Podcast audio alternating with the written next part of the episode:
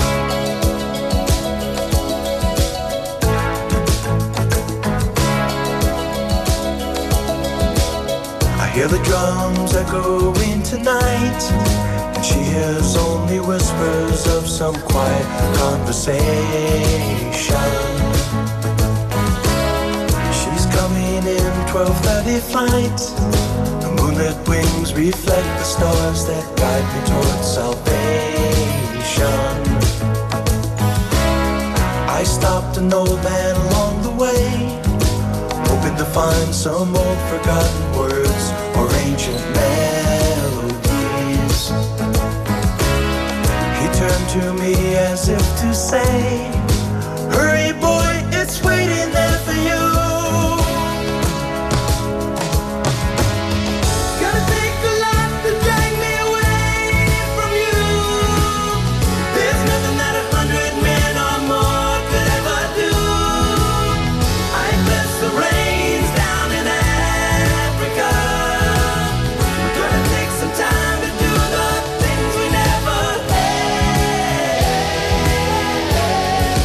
hele goede middag, beste luisteraars van Dorpsradio Laren. Het is vandaag woensdag 18 augustus en we gaan na een zomerbreek van vijf weken eindelijk weer van start met het infotainmentprogramma Safari Geheimen. Hier op dorpsradiolaren.nl. De zender voor Laren en het Gooi en natuurlijk verder buiten. Mijn naam is Frank Ronsijn, oprichter van Safari Secrets, een kleinschalig travel design studio op het gebied van exclusieve natuur- en safari reizen. Safari Geheimen, het programma, is naast een wekelijks live uur radio onderdeel van de podcastserie Mijn Afrika, Mijn Wildlife. Samen met een gast uit de wereld van safari en conservation bespreek ik iedere week interessante safari-geheimen. Eh, waarmee we de luisteraars hopelijk inspireren en adviseren op het gebied van onvergetelijke natuur- en wildlife reizen. En die allen natuurlijk met een sterk natuurbehoud oogmerk. Een reis waarbij je als reiziger iets terug wil doen voor de natuur, het dierenrijk en de lokale bewoners. Vandaag mag ik als gast welkom heten de heer Rob van Grieken. Naast natuurlijk een, onge- eh, een ongekend natuur- en wildlife liefhebber is Rob Schipper, business manager, fotograaf en houdt er zich bezig met conservation ICT, data science en big data. En dat laatste, dat is waar we het vandaag nou juist over gaan hebben. Rob, welkom. Ontzettend Dankjewel. leuk dat je vandaag wilt aanschuiven bij ons in het programma. Eh, we gaan een mooi gesprek voeren over ICT in relatie tot natuurbehoud. Ook wel conservation genaamd. En ik begin iedere week bij eh, al mijn gasten altijd met dezelfde vraag. Die mag jij beantwoorden op de manier zoals jij hem wil beantwoorden. Wie is Rob? Wat houdt hem zoal bezig in het leven? En vertel wat je vooral wil vertellen. Nou, hartstikke goed. Dankjewel, de Frank. Op de eerste plaats hartelijk dank voor het feit dat je mij hebt uitgenodigd. Stel ik erg op prijs. Ik vind het heel leuk dat onze wegen elkaar hier vandaag in deze studio eh, weer kruisen. We hebben elkaar eh, heel lang geleden voor het laatst gezien. Maar ik vind het ongelooflijk leuk om vandaag hier in jouw programma te zijn. Ja, wie is Rob van Grieken? Nou, heel kort samengevat. ehm, ik ben eh, 66 jaar oud. Ik ben geboren in Amsterdam. Ik ben dit jaar 45 jaar getrouwd. Ehm, heb twee kinderen en ben woonachtig in, eh, in Hoofddorp.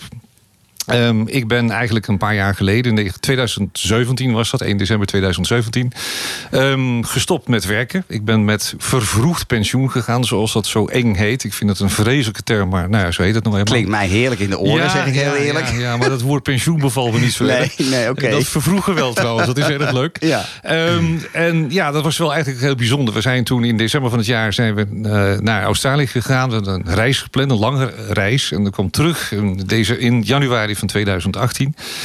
En toen dacht ik, ja, wat moet ik nou met mijn leven gaan doen? Ehm, opeens was mijn agenda helemaal leeg. En eh, nou, die was altijd boom en boom en boom vol. En dat was eh, echt de hele dag van de ene afspraak naar de andere afspraak hollen.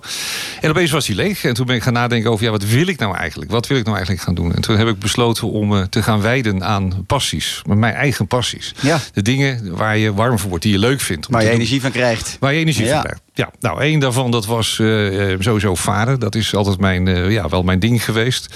En ik ben eigenlijk via een omweg terechtgekomen in de wereld van schippers.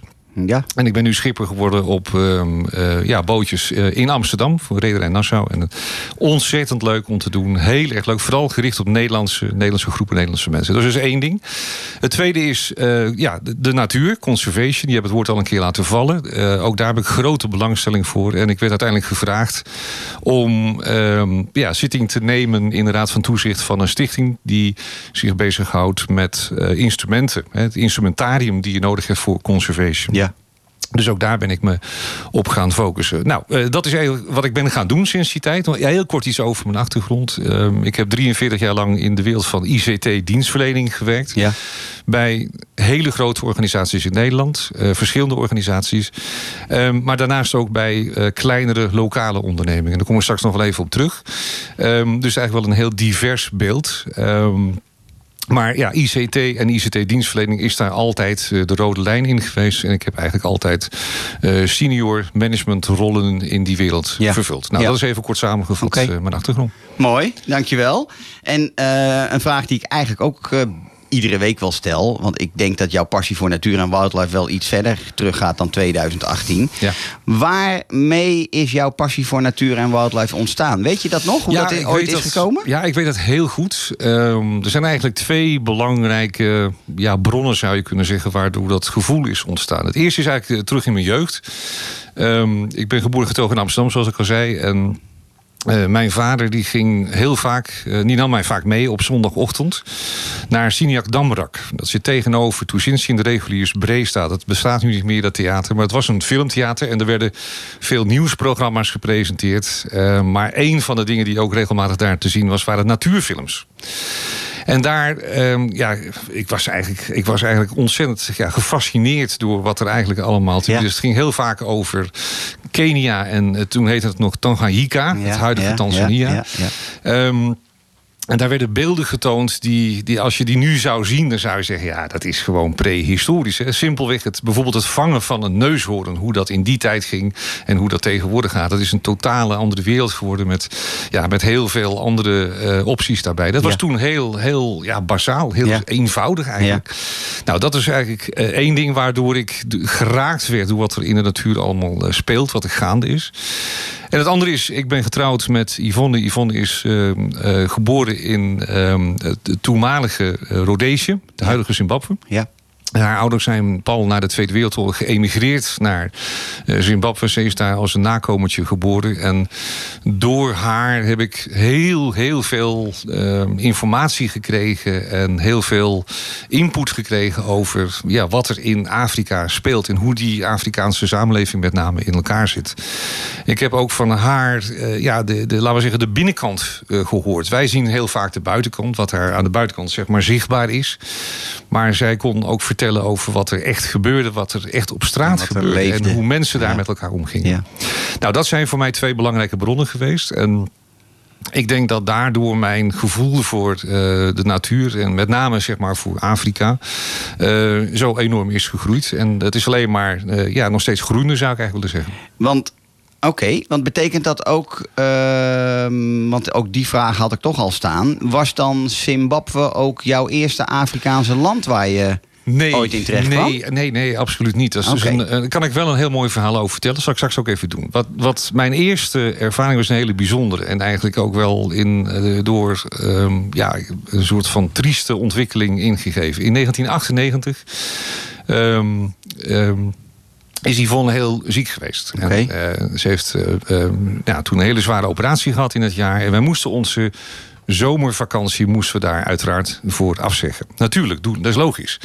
Maar goed, aan het einde van het jaar was zij eh, weer helemaal opgekrabbeld. En eh, toen eh, ja, zeiden we tegen elkaar... we willen toch ja, ergens naartoe. We willen ergens naartoe. En toen, toen, toen voelde ik dat zij heel graag naar Afrika Ja. wilde. Ja. Ehm, ik had me daar altijd, met name als je kijkt naar de eh, rassenproblematiek en de, de, ja, de manier waarop daar met om wordt omgegaan in Zuid-Afrika, was ik daar fel tegen gekant. Ik wilde er eigenlijk helemaal niets mee te maken hebben. Maar ik heb toen al mijn eh, principes en al mijn vooroordelen die wij als Nederlander hebben, heb ik opzij gezet. En wij zijn toen met z'n tweetjes een hele lange tijd, ik bijna een maand in Zuid-Afrika geweest. En dat Ja. is waar zij ook gewoond heeft. Ja. En ik ben ontzettend, ontzettend blij dat we dat gedaan hebben. Want dat was voor mij het moment dat de deur echt helemaal open ging. En ik heb toen pas ervaren wat het is om in eh, Afrika te zijn. Wat dat betekent. Eh, om eh, de lucht te ruiken. Om de mensen te zien. Om met de mensen om te gaan. En om te voelen wat er daar inderdaad ook gebeurt. En dat is een totaal andere wereld als dat hier werd omschreven in de media. Ja. Wat je kon zien op de tv, Ja. wat je kon lezen in de krant. Dus dat was voor mij een absoluut omslagpunt. Ehm, en ik ben blij dat we dat hebben gedaan. Je hebt het wel eens gehad over de African Buck. Eh, Nou, dat wilde ik net zeggen. Dat virus is waarschijnlijk... Ja, dat is. Maar dit is het echte virus Dit volgens is het mij. echte virus. Precies. En het, het gaat zo ver dat als ik nu eh, mijn ogen dicht doe eh, en ik denk er goed over na, dan kun je de lucht ruiken van Afrika. Want Afrika heeft een eigen lucht. ja, absoluut. Als je daar uit een vliegtuig stapt, eh, het is een combinatie. Ik weet niet, ik kan niet eens goed omschrijven. Het is een combinatie van een hele hoop dingen. Het Ik is stof, dat. het is stof, het is gek. Ja, fijn. hoef je dat niet te vertellen. Nee. Maar het bestaat. Dat is het, Het bestaat, dat is belangrijkste. het Dat is het belangrijkste, belangrijkste. Ja. En ehm, kun jij ons ehm, iets vertellen na alle... Want je hebt volgens mij dus veel tijd in Afrika doorgebracht. Klopt, ja. Eh, daar kan ik me ook iets eh, voorstellen dat je gezien het feit dat je eh, partner uit Rhodesië, nu Zimbabwe, komt. Is dat ook je grootste voorliefde in Afrika, Zimbabwe? Of zijn er andere plekken in Afrika waar jouw hart enorm veel sneller van gaat kloppen? Nee, er zijn, er zijn veel meerdere plaatsen in Afrika die, waar, waar je ja, toch een hele speciale of een bijzondere herinnering aan hebt. Eh, Zimbabwe is wel een, een aparte, omdat ja, Yvonne daar natuurlijk geboren en getogen is. tuurlijk. Ehm, en ja, er is wel iets bijzonders over te zeggen. Want ja, dat is eigenlijk wel grappig. Ze, werd eh 60 en eh, toen heb ik eigenlijk als een soort van verrassing... wist ik echt helemaal niets van... heb ik een reis voor haar voorbereid om weer terug te gaan naar haar homeland. Ja. Ehm, ze was daar 50 jaar niet meer geweest. Ze is Mooi. geboren in Bulawayo. Ja. En ehm, Vlakbij Matobo Hills. ja, ja. We, Mooi. zijn, eh, we zijn daar naartoe gegaan. En uiteindelijk zaten we daar ergens in een hotelletje. En ehm, ik herinner me nog heel goed het moment dat we naar haar ouderlijk huis gingen. Dat is Main Street 33, ik weet het uit mijn hoofd. Het is in het centrum van Bulawayo. Het was niet ver van ons hotel vandaan. Zeer gemoedelijke plek eigenlijk. zeer gemoedelijke plek. En eh, het, was, het was bizar om te zien hoe dat allemaal veranderd was. Ze zat op de lagere school, de Bain School. Het was daar vlakbij, kon je Ja. lopen. Daar Ja. zijn we ook naartoe geweest. Ja. En zij heeft mij, en die verhalen heb ik natuurlijk jarenlang heb ik die gehoord. Ze heeft me vertelde dat er achter hun school, er was een zwembadje, konden ze 's middags tussen de middag en de afloop van school konden ze daar met elkaar gaan, eh, gaan zwemmen. Dus wij zijn naar die school toe gelopen. We zijn daarheen gegaan. En eh, we zijn allereerst achter in die school gaan kijken. Het bleek dat al het water was weg. Dat, dat zwembad dat lag helemaal vol met modder en met Ja, rotzooi ja. en met troep. Voor een groot gedeelte eigenlijk vergaan, zou je kunnen zeggen. Ja.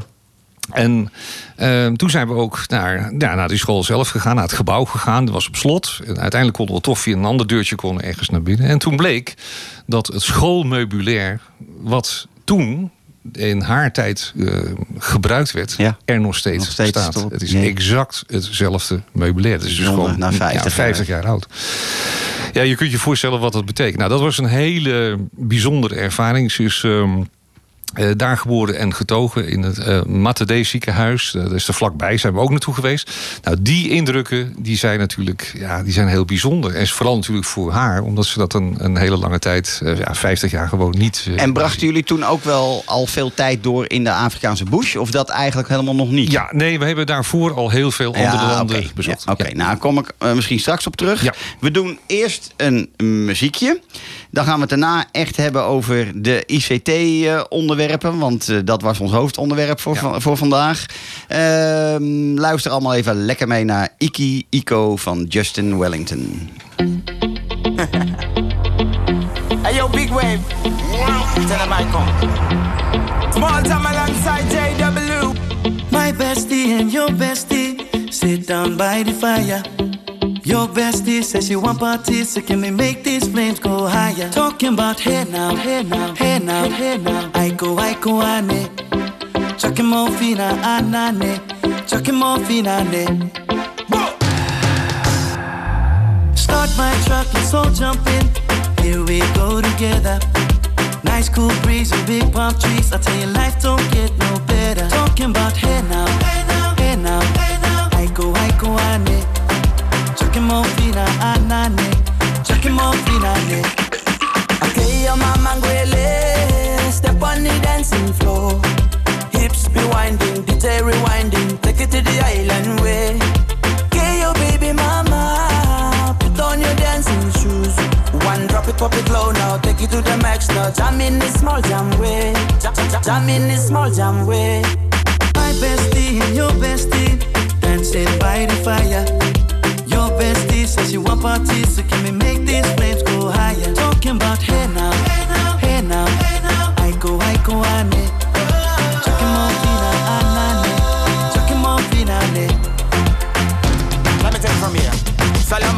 straight up, right hoochie mama Make me party non-stop in a island banda. Swing those hips and back it up to me ragga. A chance for party ladies do the doggy doggy. I'm drumming island reggae, rapping blue, green and yellow. Me tapping on me beat, make a slow wine for me baby. Speakers pumping, people jumping. We drumming the island way. Shout out to the good time crew all across the islands. Grab your shoes, let me two by two, and now we're shining bright like diamonds. Talking about hey now, go, I go, ane. Chucking more fina, anane. Chucking more ne. Yes, one drop it, drop it low now Take it to the max now, jam in the small jam way Wind it Wind up, go down, wind up, go down. Twist your body backward. We go, we go. left, left, we go right, right. Turn it around and forward. Wind and go down again Wind up, go down, wind up, go down. Twist your body backward. Twist it back. We go left, left, we go right, right. Turn it around and forward. My bestie and your bestie dancing by the fire. Your bestie says you want parties, so can we make these flames go higher? Talking about hey now, hey now, hey now, hey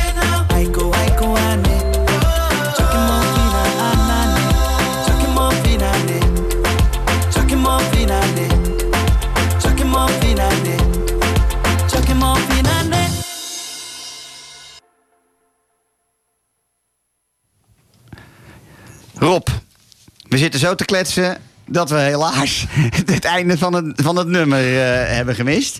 Maar we gaan snel door. En ik wilde jou vragen, inderdaad, hoe ben jij geïnteresseerd geraakt in de technologie in relatie tot conservation? Kun je daar iets over vertellen? Ja, zeker. zeker. Ehm, nou, dat heeft alles te maken met de, de laatste job die ik heb gedaan. Ik was eh, CEO van een bedrijf dat heette DIKW Intelligence. Ehm, dat is een bedrijf die zich bezig eh, houdt met eh, business intelligence, zoals het officieel heet. En ehm, ja, die waren eigenlijk ehm, heel nauw betrokken bij de start van een stichting. Een stichting die heet uh, Sense Inclus. En ehm, ja, doordat ik in die rol zat, kreeg ik daar ook mee te maken. En het, het, het interessante van het verhaal is dat ze zijn eigenlijk eh, in die tijd... ik praat nu over, wat is het, 2015 zo'n beetje... gestart met een, eh, eh, de ontwikkeling van een platform. Ik zal, er straks wat meer over vertellen. Mhm. Ten behoeve van eh, conservation doeleinden. Nou, dat is allemaal ICT, allemaal technisch. Ehm, ik was daar nauw bij betrokken. En ik heb zelfs meegewerkt aan de oprichting van de eerste juridische vorm, zeg maar, van dat vehikel.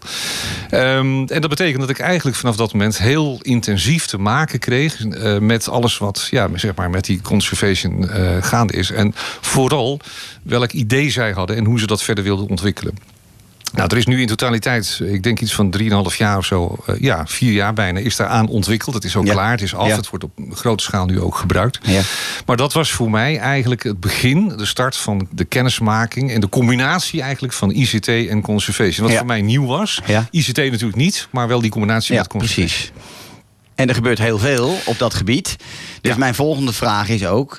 Wil je eens een aantal van die voorbeelden uitlichten? Ja. En, en misschien de meest aansprekende, meest belangrijke... Ja. of juist de meest bijzondere, maar dat Ja. laat ik aan jou. Noem er eens een paar. nou, eh, natuurlijk, heel graag. Ehm, als je kijkt naar eh, de, zeg maar de, de parken eh, die er zijn, dat ze kunnen privéparken zijn of dat kunnen overheidsparken zijn of in het beheer van overheid zijn. Ja, het grote punt wat zij daar hebben is dat ze over het algemeen gewoon een gebrek aan geld hebben en daarmee een gebrek aan middelen. Ze zijn dus niet goed in staat om een aantal standaard dingen die je eigenlijk wel zou verwachten te kunnen doen. Bijvoorbeeld ehm, het, het, het onderhoud van zo'n park. Wat heb je daarvoor nodig? Ja. Nou, eh, daar heb je heel veel informatie voor nodig. Daar heb je data voor nodig. Die data die wordt eh, allemaal handmatig vastgelegd in de meeste parken. En dan zie je dat die data die dan uiteindelijk wordt vastgelegd... verouderd is en heel snel verouderd. En sommige parken werken met data die een maand oud is... of zelfs nog ouder dan een maand. En daar zijn talloze voorbeelden van. Omdat alles met de hand wordt gedaan. Ja, alles wordt op precies. formulieren geschreven. Die formulieren moeten verzameld worden. En die zijn dan vervolgens weer niet goed leesbaar. Maar die moeten dan in een eh, Excel-spreadsheet gestopt worden. Afijn, dat, ga, daar kun je wel iets bij voorstellen. Ja. Nou, ehm, eigenlijk zie je dat er behoefte is aan heel veel eh, data. Of Mhm. eh, in ieder geval informatie. Om eh, de uitoefening van al die conservation taken makkelijker te maken. En ik zal daar een paar voorbeelden van noemen. Als je naar een, een park kijkt, een groot park kijkt. Dan zijn daar een hele hoop eh, mensen aan het patrouilleren. Ja. Rangers die zijn voortdurend bezig om te kijken Ja. wat gebeurt er met het wild. Waar verplaatst zich dat naartoe? Ehm, wat, zijn, eh, wat zijn de ongelukken die er zijn? Eh, waar vinden we bijvoorbeeld ook dode dieren? En waarom zijn ze doodgegaan? Is dat doordat er iemand ze doodgeschoten heeft? Of zijn ze gewoon eh, vanwege hun, hun leeftijd eh, doodgegaan? Ja. Nou, daar, daar zijn heel veel ehm, eh, ja, dingen die je gewoon wil weten. Ja. Maar eh, als je naar een park kijkt, eh, er zijn parken bij, die zijn zo groot als de provincie Utrecht. Ja. Als Als wij met de auto hier van A naar B gaan, dan hebben we een navigatiesysteem. In een park heb je dat niet. Ja. Nou, alle auto's kunnen op een simpele manier uitgerust worden met een tracker. Ja. En als je nou maar voldoende eh, data verzamelt van waar die auto's allemaal rijden, dan kun je op basis van die data kun je eigenlijk eh, navigatiemaps maken, kaarten maken. Je kunt heel in- eenvoudig, elektronisch allemaal, Ja, kun je inzichtelijk maken hoe de hoofdroutes door zo'n park zijn, wat de subroutes zijn. Maar wat nog veel belangrijker is, je kunt bijvoorbeeld inzichtelijk maken welke delen van een park heel frequent worden gepatrouilleerd en welke delen juist niet. En daarmee zie je tegelijkertijd dat er dus in heel veel van die eh, situaties een onbalans ontstaat. Want mens kiest voor de, ja, laten we zeggen, de bekende stukken. En wil liever die onbekende stukken niet patrouilleren. En daarmee kun je dan tot wat dan heet een optimalisatie komen van de patrouilleroutes die worden gereden. Als je weet welke delen frequent worden bezocht en welke delen niet frequent worden bezocht, dan kun je dat proces van routeplanning kun je gaan optimaliseren. En dan kun je zeggen, ja, maar ik wil eigenlijk vandaag wil ik 80% juist van de routes doen die niet vaak zijn bezocht. Want dat, daar zijn we misschien al twee of drie maanden of vier maanden niet meer geweest. Want als ik je mag interrumperen, als ik het goed begrijp, zeg je, want dit is voor mij best wel een soort van nieuw, is dit, deze technologie vooral ten behoeve van de park rangers. Ten behoeve van de parkrangers die daardoor hun werk beter en, En helemaal niet zozeer ten behoeve van hoe eh, het wild zich verplaatst. Nee, het zit nee. hem echt in. En dit is dan, ja, Eigenlijk eh, eh, hoe de rangers handelen en omgaan met hun taak. Dit is een voorbeeld. Hè? Ja, Een ja, ja, klein ja, voorbeeld. precies. Een ander voorbeeld, en dat sluit denk ik beter aan bij misschien bij jouw vraag die je zo net stelde. Ehm, er zijn heel veel gebieden, eh, die zijn eigenlijk al zo geïsoleerd dat ze voortdurend aan het kijken zijn hoe kunnen we de leefgebieden van de dieren bijvoorbeeld groter maken. Ja. Nou, dat is een probleem wat ook in Europa op grote schaal speelt. Want er zijn allemaal geïsoleerde stukjes. En je wil dat eigenlijk, dat wil je met elkaar in verbinding brengen. Je ziet Ja. dat zelfs in Nederland, waar we van die wildviaducten over de snelweg hebben. Ja. In Afrika speelt het ook. En dat noem je in het jargon heet dat corridors. Ja. Je moet corridors ontwikkelen. Maar dat is niet heel erg eenvoudig, omdat een corridor ontwikkelen moet je heel veel van de diersoorten afweten, van de ecologie. Maar je moet tegelijkertijd ook weten wat eh, ja, zeg maar de samenstelling is. Hoe zien de landschappen eruit? Eh, nou, daar hebben wij destijds ehm, eh, ja, een, een oplossing voor ontwikkeld. Een, eh, een oplossing die je daarbij ondersteunt. En dat kun je doen op basis van modellen. Je kunt, als je heel veel data beschikbaar hebt, kun je dat in één model bij elkaar stoppen. En dan kijk je bijvoorbeeld naar dingen als de hoogte van een landschap. Je kijkt naar de vegetatie. Ja, je kijkt naar de vochtigheidsgraad. Je kijkt naar de temperatuur. En zo kun je per diersoort bepalen of het landschap voor zo'n dier wel of niet geschikt is. Voedingsrijkheid voor bepaalde diersoorten. Exact, eh, exact. Noem het allemaal Nou, op. En Ja. op basis daarvan kun je dus heel snel komen tot een, een afbakening van een stuk land. Een stuk, eh, ja, zeg maar, eh, wat tussen die beide gebieden in ligt. Ja. En daarmee kun je een corridor maken, een doorgang maken van het ene gebied naar het andere gebied toe. En, en dan weet je eigenlijk ook zeker dat de diersoorten die je graag wilt verplaatsen, of waar die je meer ruimte wilt geven, dat die die corridor ook zullen gebruiken omdat ze, daar, omdat ze zich daar thuis voelen. Ja. Omdat het landschap voldoet aan eh, de, ja, zeg maar de leefcriteria voor die betreffende diersoort. En door wie worden deze modellen nou gebruikt? Zijn, zijn, is daar dan ook vraag naar vanuit allerlei verschillende parken of gebieden die die model- modellen ook daadwerkelijk inzetten? Ja, het, ja, dat zijn vaak de beheerorganisaties. Ja. En dat wordt natuurlijk in nauwe samenwerking met de overheid gedaan. De overheid heeft ook een taak. Want Ja. dat zijn uiteindelijk vaak ook stukken land die er tussenin liggen. En soms weer van meerdere eigenaren zijn. Ehm, dus het is eigenlijk een samenspel van, eh, van enerzijds de, de eh, conservatieorganisatie zelf. Hè, die daar natuurlijk een belangrijke taak in heeft. Want dat is de initiator, dus degene die dat opstart. Maar er is natuurlijk een samenwerkingsverband met eh, de overheid, maar ook met andere eh, landeigenaren. om ervoor te zorgen dat je zo'n zo'n corridor kunt Ja, ontwikkelen. ja, precies. Er komt natuurlijk veel meer bij kijken. Natuurlijk, natuurlijk, Eh, ja. Het, het ha- neerhalen van hekken. Het Ja. heel vaak verplaatsen van hele dorpen. Ja. Al als het echt om grote Ja. gebieden gaat. Ja. Eh, komt er ook, zit er ook een commerciële kant aan dat verhaal? In de zin van de makers van die modellen. Proberen die dat ook commercieel uit te nutten? Of is het allemaal wel ideologisch Nee, eh, het- hoe nee. ze daarmee omgaan? Eh, Vooral het laatste. Ja, Eh, gelukkig ik, eh, zou ik, ik- bijna willen zeggen. Ja, dat is, het is ook, want je kunt daar commercieel gezien kun je daar niet zoveel mee. Eh, uiteindelijk, het gaat om veelal wetenschappelijke data, wetenschappelijke modellen. Ja. En er komt heel veel bij kijken. Want ik zeg het nu op een hele eenvoudige, een hele simpele manier. Ja. Maar er komen ongelooflijk, eh, er komt ongelooflijk veel data bij kijken. En complexe eh, algoritmes die in staat zijn om te bepalen welke gebieden dan wel interessant zijn of niet. Ja. Die modellen gaan zo ver dat ze in zo'n corridor eh, gebied kunnen zeggen van nou, dit is eh, een, een hoge match met, laten we zeggen, de eisen voor het leefklimaat van een diersoort. En dit is een lage match. Dus je kunt dat ook nog in gradaties, je kunt het gradueel kun je dat in kaart brengen. Eh, welke delen zeg maar een hoge match hebben en welke delen een minder of een lage match hebben.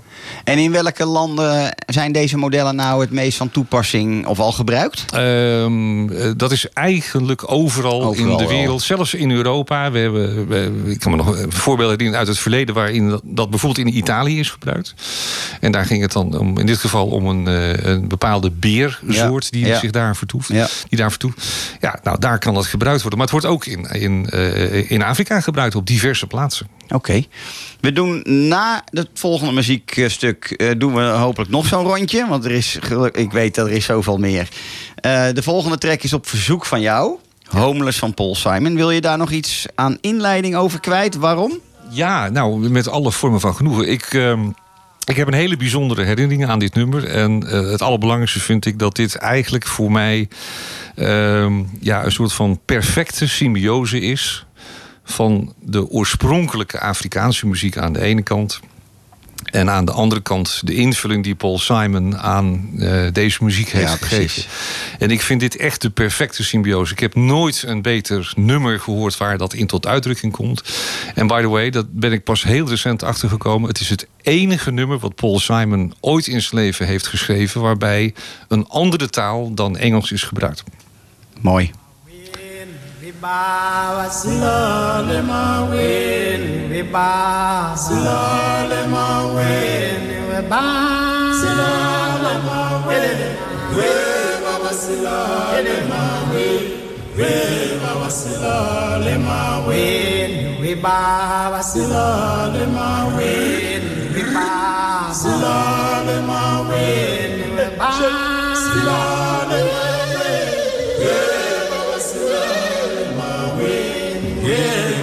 Maweni we ba silale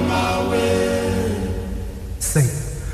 Homeless, homeless, moonlight sleeping on a midnight lake.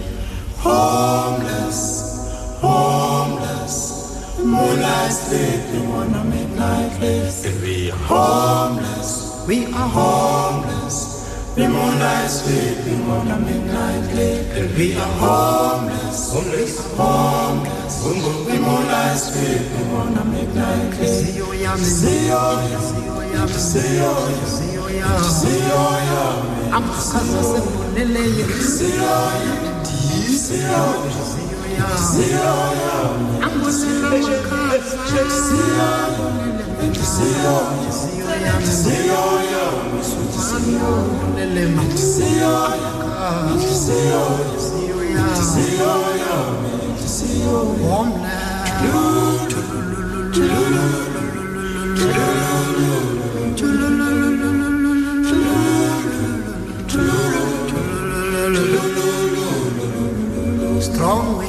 strong, destroy our homes. Many dead tonight could be. Strong wind, strong wind, strong wind. Many dead tonight could be. And are homeless, homeless, homeless, homeless. Moonlight sleeping on a midnight lake. Homeless, homeless, homeless, homeless. Moonlight sleeping on a midnight lake.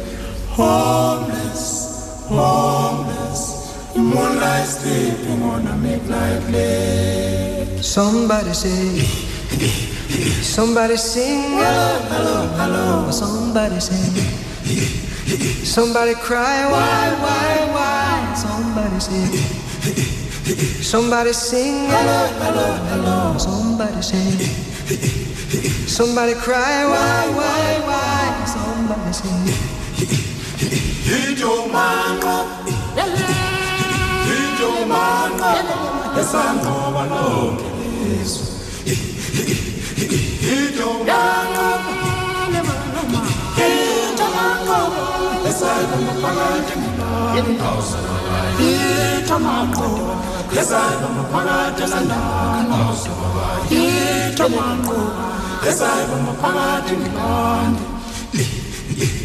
Somebody say somebody sing, hello, hello, hello. Somebody say, somebody cries, why, why, why? Somebody say, somebody sing, hello, hello, hello. Somebody say.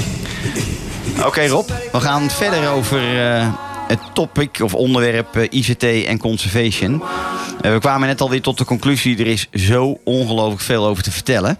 Wil je nog eens een paar voorbeelden noemen, eh, andere voorbeelden dan die je net al benoemd hebt? Jazeker. Ehm nou, een heel, denk ik, in het oog springend voorbeeld is natuurlijk de stroperij. De, de illegale stroperij, hoe daarmee wordt omgegaan. Ehm, ja, het is natuurlijk zo dat als je, als je kijkt naar de bevolking die leeft in, eh, in, in- met name dan die Afrikaanse landen, die hebben, ja, die hebben geen inkomens en arm. Eh, worden vaak gedwongen. Er zitten criminele organisaties achter die internationaal opereren. Ja.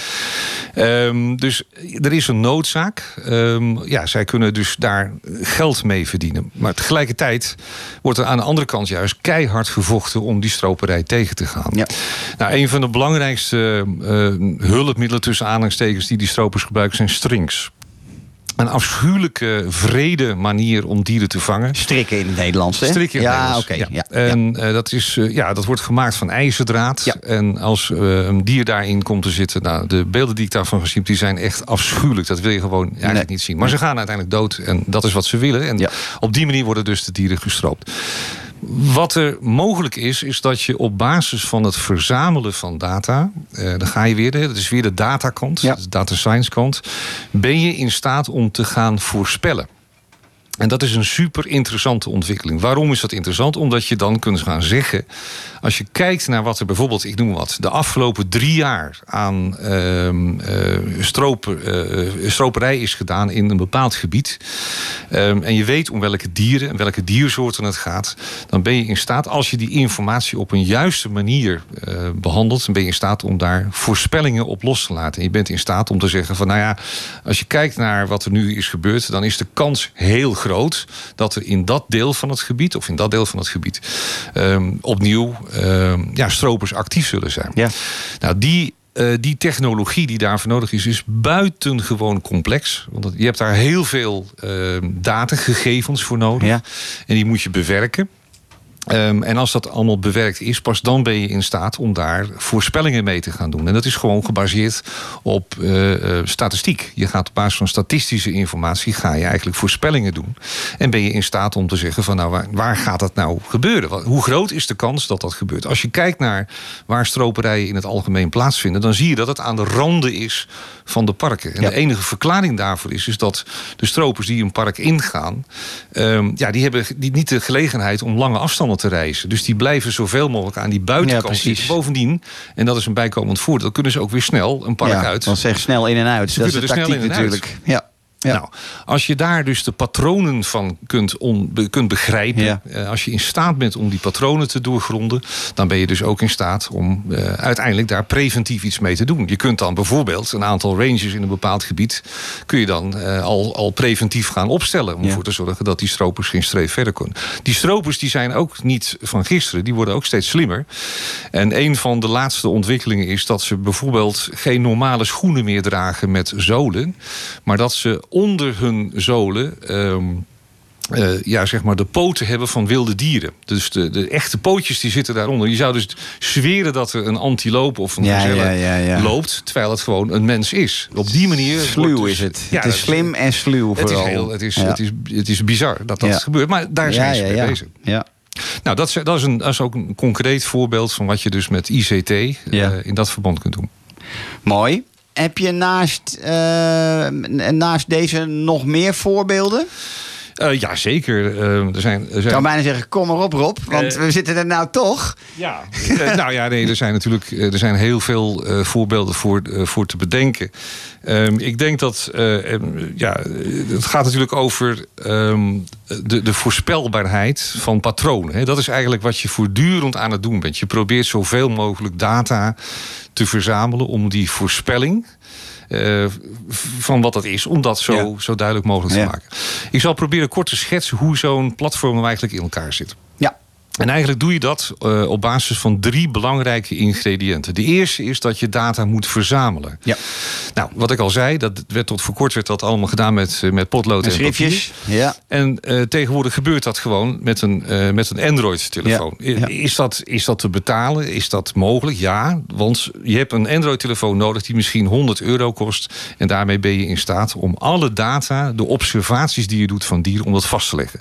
Dat is de eerste stap. Hè, dus het verzamelen van data. De tweede stap is eh, die data die je dan hebt, die ga je dan vervolgens interpreteren.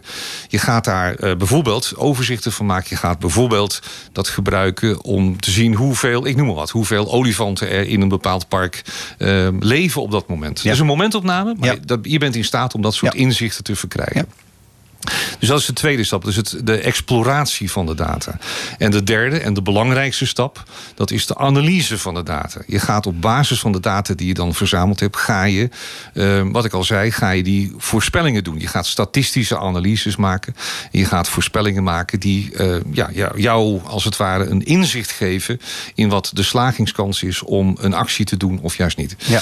Nou, ehm, een heel mooi voorbeeld waar op dit moment eh, in Wageningen, de Universiteit van Wageningen, aan wordt gewerkt, is het, het tellen van kuddes dieren. Ja. Dat is tot voor kort was dat een on- nou, bijna onmogelijke opgave. Het allemaal handmatig, Handmatig gedaan. Er en zaten mensen dagenlang met En verrekijkers. kleine vliegtuigjes hè, die in rasters over een park ja. eh, vliegen. Ja. Ja, en nu is er een ontwikkeling gaande die eh, echt heel erg interessant is. Dat wordt met drones gedaan. Drone vliegt over een gebied heen. En er worden inderdaad met behulp van rasters worden dan die kuddes eh, worden als het ware gefotografeerd. Ehm, maar ja, dat doe je dan van misschien 100 meter hoogte, 200 meter hoogte. Dus het, is, het zijn best complexe rasters. Ja. En vervolgens moet je ook nog eens die rasters interpreteren. Want je moet dan van boven, als het ware, interpreteren...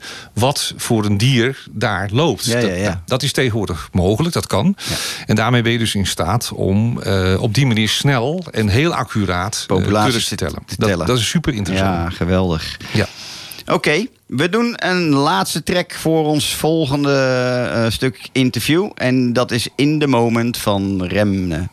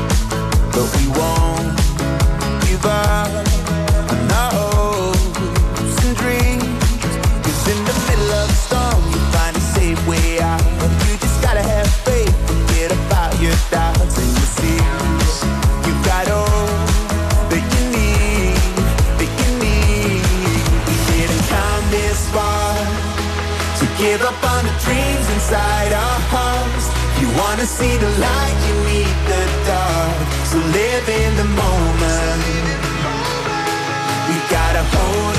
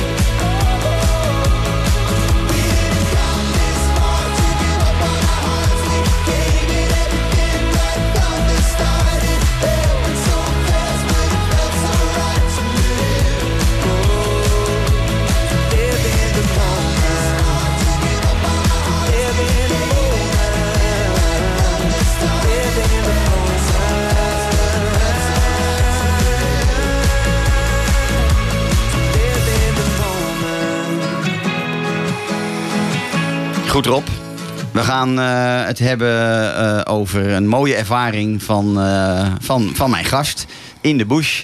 Kun jij ons verblijden met een mooi verhaaltje... wat indruk op jou gemaakt heeft, op welke manier dan ook... in de Afrikaanse natuur? Ja, zeker. Ja, wat mij altijd is bijgebleven, dat is... wij zijn ooit een keer naar Oeganda geweest. Hebben daar een eh, waanzinnige mooie eh, tijd doorgebracht. Eh, werkelijk een schitterende ervaring. En een van de dingen die me daarvan is bijgebleven... is het, het Windy Impenetrable Forest National Park... wat helemaal aan de zuidkant van Oeganda ligt... tegen de Congolese grens aan. Ik weet waar je naartoe gaat. Ja, ja, ja, ja, ja. ja. dat kan ook haast niet anders. Nee. Eh, er maar het is zijn voor veel eigenlijk- mensen een hoogtepunt, hè? Ja, ja, absoluut. Ja. Eh, het gaat dus om over ehm, een close encounter met een, eh, een gorilla-familie. Ehm, nou, we hebben daar licenties voor aangevraagd eh, om daar überhaupt dat park in te mogen. Die waren toen destijds waren die, eh, vreselijk duur. Die waren toen al 500 Amerikaanse dollars per persoon per dag. Ehm, ik heb eh, recent gelezen dat ze in Oeganda al 700 dollar zijn en in Rwanda 1500 dollar. Klopt, helemaal. Het is echt ongelooflijk duur. Ja. Maar wat, wat gebeurt er dan? Nou, je wordt daar helemaal op voorbereid. Je krijgt een hele, hele uitgebreide briefing. Er wordt verteld wat er gaat gebeuren. En uiteindelijk stap je in een auto en ga je de bush in. En dan ga je rijden. Ben je misschien een uur aan het rijden. Stap je uit. En dan zijn er... Je bent met een groep van een man of, ik denk 12, 13, 14. Die worden van groot. Er zijn twee soldaten bij. Die hebben, dragen allebei een geweer.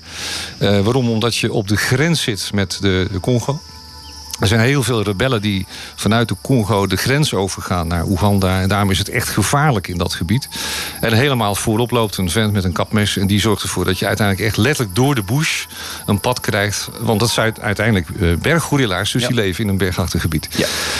Ehm, nou, ik herinner mij dat als de dag van gisteren was een prachtig. Het was bloed en bloedheet. Eh, het was benauwd, het was vochtig in die jungle. En uiteindelijk is het ook zo dat... s ochtends heel vroeg gaat er een trekker vooruit. Die gaat kijken waar de families op dat moment zijn. Dat doen ze aan de hand van droppings. Die gorilla's die klimmen in de bomen. eh, die pakken daar vruchten. Die nemen een hap van een vrucht en gooien dat naar beneden. En dan pakken ze een volgende vrucht. Dus er liggen heel veel aangevreten stukken ja, fruit, zeg maar. En ze laten zelf af en toe ook nog wat vallen. Dus ook dat valt naar beneden. En die combinatie van die twee, dat noemen ze droppings. En op basis van die droppings kun je een pad maken. En dan kun je ongeveer zien welke kant ze opbewegen. Dus die trekkers die zijn daar 's ochtends naartoe gegaan. En uiteindelijk vinden ze dan de familie weer terug. En worden de coördinaten van waar ze zijn, worden doorgegeven aan de groep. Ja. En wij gaan daar dus als een groep zijn wij daar naartoe gegaan. Ja. Nou ja, uiteindelijk was dat moment eh, was daar. En toen eh, zei de, de, de, hoofdranger die zei van eh, nog vijf minuten en dan gaan we ze echt ontmoeten. Jullie mogen allemaal je rugzak afdoen. Maak je helemaal klaar. Zorg ervoor dat je fotomateriaal in orde is. Je krijgt exact één uur en geen seconde meer Nee. om bij die groep, die familie gorilla's te zijn. Dat is nog steeds zo, hè? Dat Ja. is gelukkig altijd zo gebleven. Ja, en de, re- de reden is dat ze daaraan gewend zijn. Die gorillas die snappen dat. Die snappen dat één uur per dag er mensen bij komen. En eh, daar mag het ook niet langer zijn, want dan raken ze, ja, dan raken ze in de war. Dus ja, wij zijn daar naartoe gegaan en we moesten ons uiteraard super koest houden. En we, zijn daar, we komen daar aan en dan zie je op een gegeven ogenblik die familie, wat ik denk uit 14, 15 dieren bestaat. Die zijn daar met elkaar op zo'n berghelling bezig. En dan zie je eh, eh, ja, het opperhoofd van de familie. eh, het mannetje, dat is dus een, een silverback gorilla. Echt een bokito. Die zie je heel stoer op je afkomen lopen. En die zat zeven meter bij ons vandaan. Die ligt zijn twee voorpoten over elkaar. En vervolgens legde hij zijn kin op zijn twee voorpoten. En heeft ons echt een uur lang liggen aanstaren. En je durft bijna niet te ademen. Nee. En je ligt op de grond, je ligt in dorre, vieze, stinkende bladeren. Je zit er echt niet uit. Ehm, ja, en je schiet alleen maar foto's en je kijkt alleen maar. En ja, je hart gaat als een gek tekeer, want het is zo dichtbij. En je weet dat als dat dier opstaat en, en verkoop je een map, eh, nou, dan ben je er niet meer. Ja. Maar dat gebeurde niet, want ja, dat is ook helemaal zijn intentie. Want hij weet natuurlijk ook best wel dat, dat je daar niet met kwade bedoelingen bent. Dus ja, er waren daar mensen bij. Ik herinner mij, er was een eh, Russische meneer die lag naast mij. Die had een, een eh, telelens van 1200 mm had hij speciaal meegenomen. Hij kon het ding nauwelijks vasthouden. Die moest hij echt op een pootje neerzetten. En die man die heeft, ja, ik volgens mij heeft hij gewoon duizend foto's geschoten in dat ene uurtje. Ja. Ja. En eh, ja, het, een waanzinnige indruk maakt het op je. Daar word je echt stil van. Heel mooi. Ehm, ik denk dat veel mensen die eh, in Afrika geweest zijn en in dit gebied geweest zijn, dit zullen herkennen. Want dat is waarvoor je naar die regio in Oeganda of Rwanda of Congo gaat. Eh, dus die zullen zich enorm herkennen in dit verhaal. Ehm, ik ben daar zelf ooit geweest met een telegraafjournaliste en fotograaf. Net nadat we, je vertelde het eigenlijk al, eh, een heel vervelend incident is geweest met een rebellerende groep die op een gegeven moment een groep Amerikaanse toeristen heeft gekidnapt. Daar zijn mensen weer omgekomen. Toen heeft toerisme in Oeganda ook heel lang stilgelegen. En op het moment dat eh, het land zei toerisme kan weer. Toen ben ik vanuit mijn werksituatie samen met dus die twee mensen van de Telegraaf eh, daar naartoe gegaan om te kijken en te ervaren of dat eh, inderdaad gewoon weer veilig was. Dus wat jij net vertelde over die twee mannen met die geweren. Ik heb zelf nog wel eens een trekking gedaan. Toen was dat ongewapend. Dat, dus wat jij vertelt heeft vast en zeker te maken gehad met die tijd dat daar schermutselingen waren. En die zijn er over de jaren meerdere keren geweest. Hè. Ehm, het andere mooie nieuws vind ik, of het andere mooie aan dit verhaal is... dat weet jij denk ik ook. De, la, of de berggorilla's zijn in de afgelopen 20 jaar ongeveer in aantal verdubbeld. En dat heeft alles te maken met conservation. En alles te maken met die, eh, ja, helaas best wel hele hoge prijzen die je voor die permits betaalt.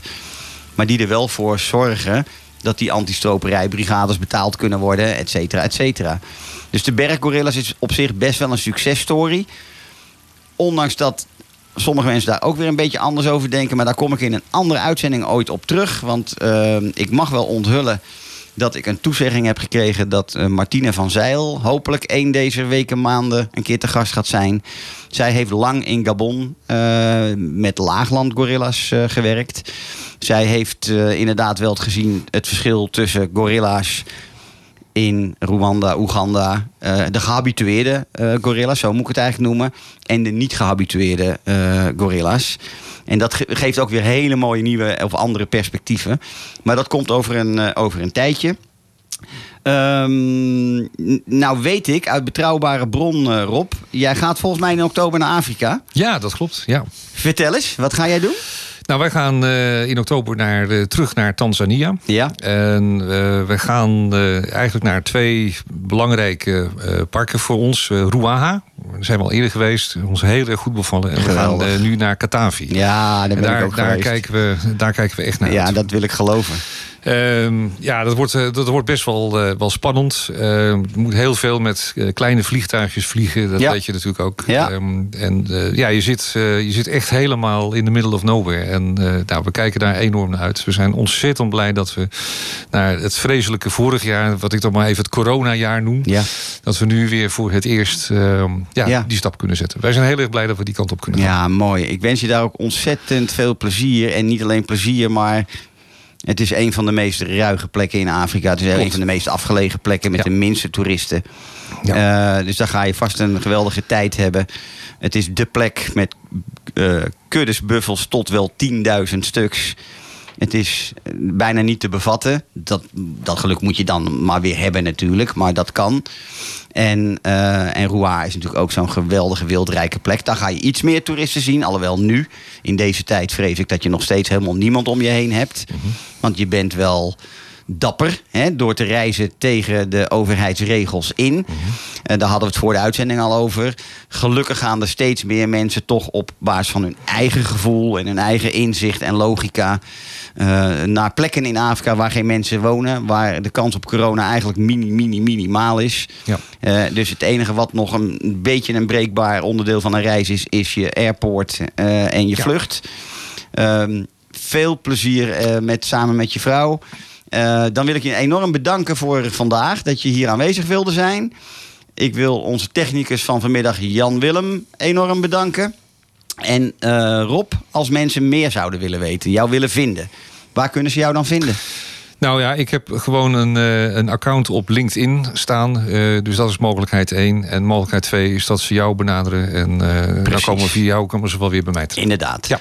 Willen mensen die nu luisteren, of mensen die dit later als podcast zullen luisteren, meer informatie hebben over alles wat met conservation te maken heeft in ongerepte natuur- en wildlife gebieden, of over de spe- het speciale onderwerp van Rob ICT in relatie tot conservation.